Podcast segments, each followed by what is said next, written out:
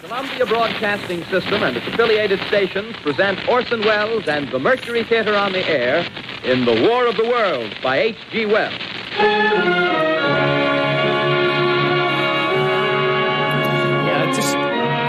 Twijfel het meest legendarische radioprogramma aller tijden. Orson Welles' War of the Worlds. Toen in 1938 dit hoorspel over een invasie van de Marsmannetjes in Amerika werd uitgezonden, raakten talloze radioluisteraars compleet in paniek. En in het toneelstuk Orson Welles' War of the Worlds wordt een reconstructie gemaakt van dit staaltje fake news avant la lettre. Ja, uh, en bij ons is schrijver en regisseur van het stuk Dick van der Heuvel, uh, die uh, het toneelstuk heeft gemaakt. Dick, Beetje nerveus vanmiddag première? Ja, nee, heel erg. Ja, nee, dit zijn de dagen daar waarop ik niet te genieten ben. Dus ik ben blij dat ik even hier mag zitten. Nou, heel goed dan. Uh, War of the Worlds, om het even kort samen te vatten... is voor radiomakers natuurlijk een, een beroemd uh, geheel. Uh, een hoorspel gebaseerd op een boek van H.G. Wells... waarin de invasie van kwaadaardige masmannetjes... zich live, live lijkt af te spelen in werkelijkheid. En dat gebeurt onder andere door een radioverslag uit New Jersey... en door een interview met een astronoom uit de, van de Princeton University... die eerst zelfverzekerd het bestaan van marsmannetjes ontkent... maar langzaam maar zeker van zijn geloof valt. Hoe komt Dick van de Heuvel erbij om, uh, om 2020 daar een voorstelling over te gaan maken? Nou, heel snel verteld. Ik uh, maakte in maart een voorstelling... of ik, eigenlijk in januari een voorstelling over Vietnamese bootvluchtelingen. Zo. In maart mochten wij, mochten wij niet meer spelen. We stonden in Theater de Leest in Waalwijk. En het, de boel ging op slot en ik stond daar met die acteurs. En ik zei, over deze situatie ga ik een voorstelling maken. Toen hebben we een voorstelling gemaakt over spelers... die opgesloten zitten in een theater. Die hebben we in de Lamar gespeeld. En tijdens dat, die ervaring mochten voor 30 man in het publiek spelen... realiseerde ik me dat er ontzettend veel overeenkomsten zijn... tussen uh, dat wat in 1938 gebeurde en, uh, en dat hoorspel... en onze eigen tijd. Fake news, uh, angstige tijd... een soort buitenaardse bedreiging, in ons geval nu een virus. Toen marsmannetjes, de beïnvloeding van luisteraars... het, het illusionistenwerk van Orson Welles... dat door middel van geluid en door bijzondere manier van zo'n zo'n script uh, componeren... Uh, hij toch een spel speelde met de luisteraar. En, dat, de, en in, in de kantine van die voorstelling zei ik... dit wil ik maken en dit wil ik gewoon meteen maken. En uh, door corona, omdat er allerlei voorstellingen uitvallen... mocht ik hem ook meteen maken. En heeft het voor mij in ieder geval opgeleverd... dat ik ook heel goed dat hoorspel heb kunnen exploiteren. Maar ook wat, het, wat, wat dit soort fenomenen betekenen in onze tijd. Ja, wat, wat, wat zo bijzonder is aan The War of the Worlds... we hebben het er al een beetje over... is dat het een hoorspel is, maar het, het, het klinkt niet zo. Of dat nee. was toen super baanbrekend. Dus bedoel, bij hoorspelen, je denkt misschien van... nou, komen dan aliens door knerspende, kna, ja.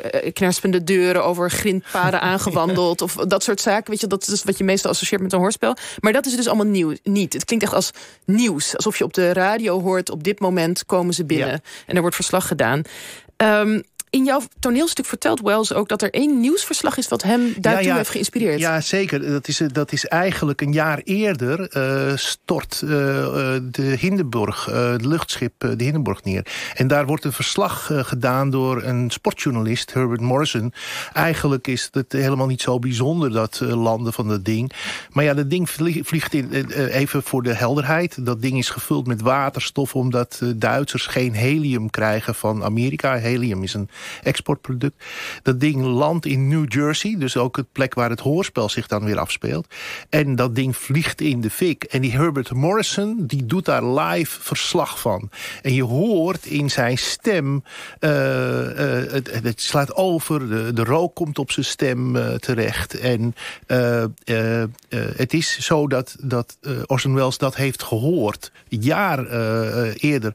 En dat inspireert hem ontzettend. dat vindt hij eigenlijk eigenlijk het meest uh, echte manier van acteren. Dat is helemaal in het moment zijn. Iets waar hij heel erg door geïnspireerd raakt. Laten we even luisteren, want ja. we hebben het fragment klaarstaan... van hoe, hoe dat was in 1937 dus. Het echte Herbert Morrison doet daar verslag van. En dan hebben we daarna een stukje wat we horen... uit Orson Welles' War of the Worlds. Dus dan kan je misschien ja. ook wel een beetje de, ja. uh, de inspiratie terug horen.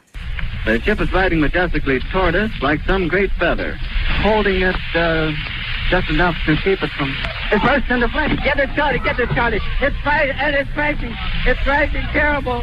Oh my! Get out of the way, please. It's burning, bursting into flames, and and it's falling on the morning baths, and all the folks agree that this is terrible. This is the one of the worst catastrophes in the world. It's smoke and it's flames now, and the flame is crashing to the ground. All the humanity and all the passengers. I, listen, folks, I, I'm going to have to stop for a minute because I've lost the voice. This is the worst thing I've ever witnessed. Anything mean? Wait a minute, something's happening. Humped shape is rising out of the pit. I can make out a small beam of light against a mirror. What's that? There's a jet of flame springing from the mirror and it leaps right at the advancing men. It strikes them head on. Lord, they're turning into flames. Oh, the whole field's caught up by the woods, barns, the, the gas tanks, tanks of the automobiles, spreading everywhere. It's coming this way now, about 20 yards to my right. Ja, en deze harde, abrupte stilte die, die plotseling afbreekt... dat is geen montagefout of zo. Dat is een bewuste keuze geweest van uh, Wells. En um, Ja, er volgt wel echt een paar seconden ja. stilte ja, het, voordat het hoorspel zich weer hervat. Ja, ja het mooie is dat die, dat die om het even helemaal af te maken... Uh, de, dus die mensen trappen erin, want ze hebben een jaar eerder dat van Morrison gehoord. En nu doet, doet, uh, doet Orson Welles dit. 1941, hij doet weer een hoorspel. Er komt iemand binnen die zegt... we interrupt this broadcast for a special announcement. We onderbreken de uitzending, we moeten even wat vertellen. Pearl Harbor is aangevallen. En niemand trapt er even in. Die oh, Wels, hou er nou een keer mee op, zeg.